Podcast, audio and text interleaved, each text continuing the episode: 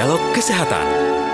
Seperti kami sampaikan tadi, kita akan hadirkan dialog kesehatan kerjasama FKUI dan RRI bersama dengan Dr. Shogi SPKP, Prodi Spesialis Ilmu Kedokteran Penerbangan mengenai terbang aman dan nyaman bagi penderita diabetes. Sekali lagi Anda bisa bertanya nanti di 021352 3172 atau di 021386 2375 atau di 021384 4545. Dokter, selamat pagi.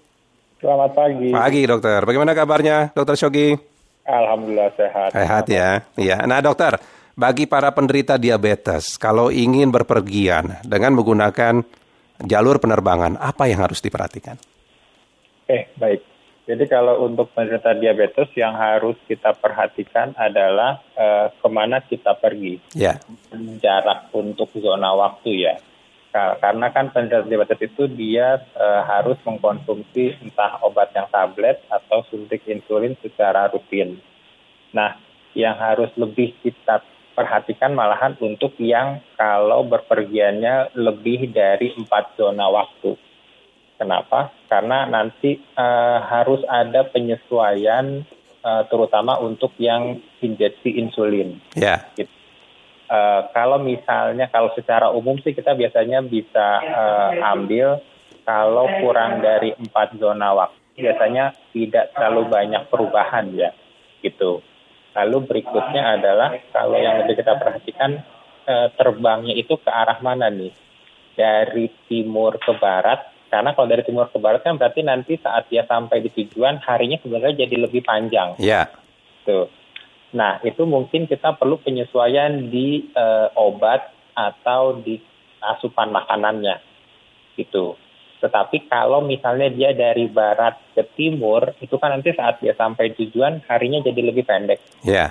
Nah, malahan kita perlu penyesuaian dosis obatnya mungkin perlu ada yang dikurangi kalau untuk insulin atau tabletnya mungkin ada yang dikurangi satu atau dua kali dan uh, jumlah makanan yang dimakannya untuk yang karbohidratnya ya mungkin agak lebih dikurangi itu yeah. itu yang kalau terkait dengan obatnya. Lalu saat berada di pesawat uh, mungkin kalau dia memang ada makanan tertentu dia sebelumnya bisa request ke airline-nya.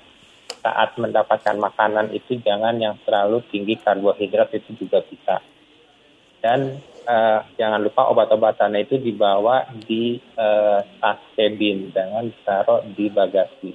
Takutnya nanti ada kejadian uh, emergensi bisa langsung ditangani gitu ya. Yeah. Uh, dan yang terakhir mungkin uh, kalau in, kalau untuk pengguna insulin itu kan biasanya kalau insulin itu agak rentan dengan panas. Tetapi kalau misalkan dia perjalanannya panjang di dalam pesawat, misalkan kita ke mana gitu ya, itu kita bisa minta tolong kepada cabin crew-nya untuk titip insulinnya itu di storage-nya mereka di coolernya jadi uh, saat sampai di tujuan itu insulinnya tetap dapat dipakai dan aman gitu.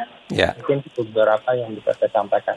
Jadi ini memang tidak sembarangan ya dokter ya bagi para penderita diabetes ini untuk melakukan perjalanan dengan penerbangan ya dokter ya. Apalagi kalau zona waktunya sampai memang jauh seperti keluar negeri iya, begitu dokter ya Sogi ya. Seperti keluar negeri iya karena kan uh, apalagi ya sekarang ya kita kan sudah banyak untuk uh, perjalanan bisnis masuk yeah. ke Eropa atau ke Amerika itu kan pasti udah ada le bisa lebih dari empat zona waktu itu bagi pasiennya atau penderitanya dan dia harus menyesuaikan tergantung apakah dia pengguna insulin atau dia pengguna obat oral untuk uh, tata laksana. Ya. Nah, persiapan-persiapan seperti ini yang dokter sampaikan tadi seperti uh, kalau punya injeksi insulin ataupun harus obat oral begitu ya. Ini untuk kategori diabetes yang seperti apa ini, dokter Sogi? Uh, sebenarnya untuk semua penderita diabetes, terutama untuk penderita diabetes tipe 1. Yeah. Karena kalau untuk diabetes tipe 1 itu dia uh, tata laksananya memang harus dengan insulin kan, tidak bisa dengan uh, oral untuk dengan yang tablet gitu ya. Jadi itu mesti ada benar penyesuaiannya. Hmm, ya. Nah, ini kan ada juga yang terbang mungkin sendiri ya. Kan penderita diabetes itu tidak hanya orang tua, tapi anak-anak muda sekarang juga atau yang usia menengah kan banyak juga ya, Dokter Sogi ya, penderita diabetes. Ya, mungkin ya. kalau yang usia menengah atau muda tidak didampingi oleh keluarga, tapi yang lansia mungkin didampingi oleh keluarga begitu. Nah, itu kalau yang jalan sendiri harus seperti apa persiapannya? Kalau yang didampingi oleh keluarga, apa yang bisa dilakukan oleh keluarga, Dokter Sogi? Oke, baik. Uh, kalau yang untuk didampingi dengan keluarga biasanya dengan untuk orang tua ya mungkin yeah. didampingi dengan anaknya atau dengan yang lainnya. Itu uh, yang harus kita ketahui satu dia itu uh, pasti dia udah tahu tuh uh, waktu penerbangannya berapa lama gitu. Lalu arahnya ini ke mana nih? Ke tadi yang ke timur atau yang ke barat? Dan kalau bisa yang terkait uh, apa namanya untuk simpan obatnya itu jangan di bagasi tapi di cabin. Yeah. Dan kalau bisa uh, uh, untuk jaga-jaga takutnya kan uh, sekarang ini penerbangan sudah mulai ramai ya. Yeah. Ada bagasi yang atau tas yang tertinggal atau yang lainnya. Jadi kalau bisa obatnya itu dibagi. Jadi jangan di tas orang tuanya aja tapi anaknya juga pegang gitu. Jadi takut nanti ada sesuatu. Kondisi darurat begitu ya, Dokter Sogi ya. Kondisi darurat. Yeah. Takutnya kan kalau di tempat tujuan kita masih belum tahu nih mau beli obat misalkan kalau sedang di Eropa atau di Asia Timur atau di mananya di di mana. Oh, oke kita tahu beli di apotek tapi kan kita kurang tahu nih lokasi apoteknya di mana. Jadi kita bisa bawa stok dari Indonesia ya. Jadi yeah. dibagi dua gitu. Dan yang tadi itu kalau memang orang tua tadi itu uh, tidak bisa terlalu banyak makan banyak karbohidrat ya sebelumnya kita bisa saat beli tiket request ke airline-nya minta untuk uh, jenis makanannya yang nanti akan diberikan ke orang tuanya itu yeah. tidak mengandung terlalu banyak uh, karbohidrat. Nah itu mungkin yang sering dilupakan orang, dokter. Request ketika uh, check in begitu ya, dokter ya? Iya, bukan ketika beli tiket. Oh beli tiketnya, dari beli tiket sudah mulai bisa request begitu? Iya, yeah. sudah bisa, iya sudah bisa. Malahan uh, kita mau ada request misalnya orang tua kita atau sanak kita itu uh, butuh kursi roda itu bisa sejak beli tiket itu dia yeah. mau pemakaian kursi roda malahan sampai sampai itu. Nah, dokter, kalau di dalam pesawat ya, kondisi yang mungkin harus kita perhatikan ketika kita memang menderita diabetes, kemudian melakukan penerbangan begitu, itu kondisi tubuh seperti apa yang memang sudah warning begitu, dokter? Uh, Oke, okay yang mungkin lebih perhatikan adalah eh, kalau di pesawat itu kan seperti kita ketahui kondisinya dingin ya. Yeah. Itu mungkin bagi orang tua kita uh, diperhatikan dalam berpakaiannya gitu ya. Nah, dengan kondisi dingin ini itu biasanya tingkat kelembapannya juga rendah gitu. Nah, jadi kita harus juga memberikan asupan cairan bagi uh, yang penderita diabetes ini lebih tinggi daripada yang lainnya. Sebenarnya Jangankan orang tua ya, kita aja kalau misalkan berpergian dengan jarak jauh dengan pesawat, dengan kondisi kelembapan yang rendah itu tentunya takutnya akan terjadi dehidrasi itu. Jadi uh, tingkat uh, apa namanya suhu di pesawat yang dingin kita harus perhatikan. Lalu akibatnya adalah uh, resiko dehidrasi juga bisa terjadi dan tadi perubahan zona waktu uh, saat berpergian. Ya. Nah, dokter, saya dengar informasi juga ya, kalau penderita diabetes itu kalau jalan-jalan ke mana-mana juga harus memperhatikan soal pakaian yang dipakai begitu. Betulkah seperti itu, dokter? Ya, kalau untuk pakaian nanti kita tergantung uh, kalau tadi di pesawat kan kondisinya sudah pasti dingin. Ya. Jadi maksudnya katanya kalau ada keadaan darurat di pesawat itu bisa lebih mudah dilakukan penanganan pertama begitu. Oke.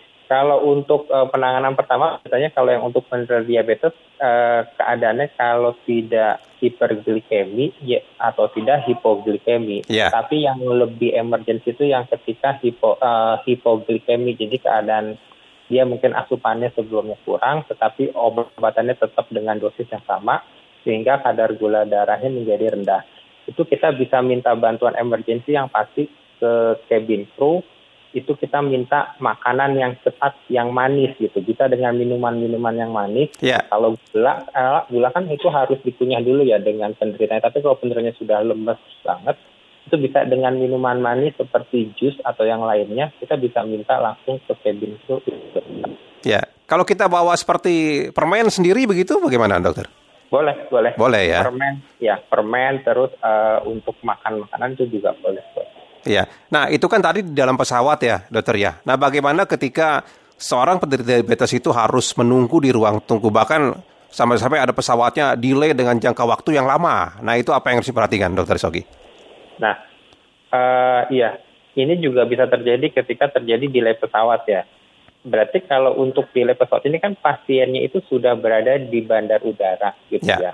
Jadi yang harus kita perhatikan adalah asupan makannya. Jadi ketika berada di, di ruang tunggu, dia ada membawa cemilan karbohidrat. Jangan sampai sebelumnya dia sudah meminum obat, tapi karena ada delay jadi menunggu lama, asupan makanannya terhambat, terjadi hipoglikemi. Ya.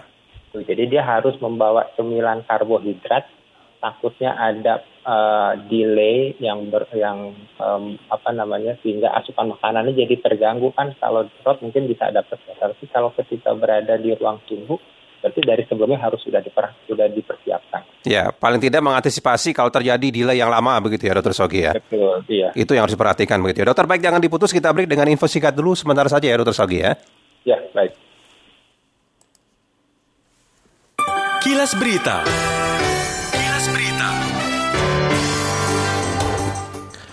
Dinas Perhubungan DKI Jakarta melakukan percepatan penyelesaian regulasi jalan berbayar elektronik atau Electronic Road Pricing atau ERP pada tahun 2023. Disampaikan Kepala Dinas Perhubungan DKI Jakarta Syafrin Liputo yang menyebut bahwa pihaknya belum bisa memastikan akan pelaksanaan dari penerapan Electronic Road Pricing tersebut.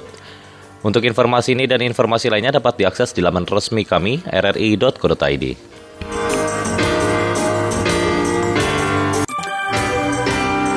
Berita.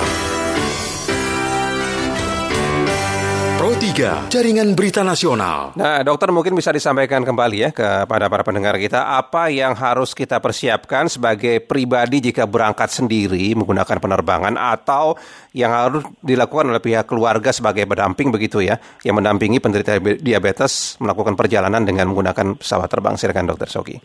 Oke, baik. Kalau kita berangkat sendiri berarti tidak ada pendamping yang harus kita persiapkan yang satu tadi obat-obatannya. Yeah. Jangan ditaruh obatnya di bagasi tetapi ditaruh di tas. Lalu eh, harus dipersedia harus membawa eh, adanya cemilan atau makanan untuk tadi takutnya ada delay atau dia butuh makanan yang cepat itu bisa biskuit, bisa buah atau minuman botolan yang manis-manis itu juga boleh. Terus yang ketiga eh, pakaiannya karena nanti dalam pesawat itu dingin, dia harus memakai pakaian yang hangat seperti jaket atau yang lainnya. Dan dia boleh membawa uh, air mineral untuk nanti pencegahan uh, dehidrasi saat berada di sana.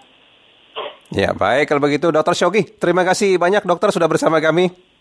Terima kasih. Selamat pagi Dokter Syogi. Selamat pagi. Ya, demikian tadi pendengar ya.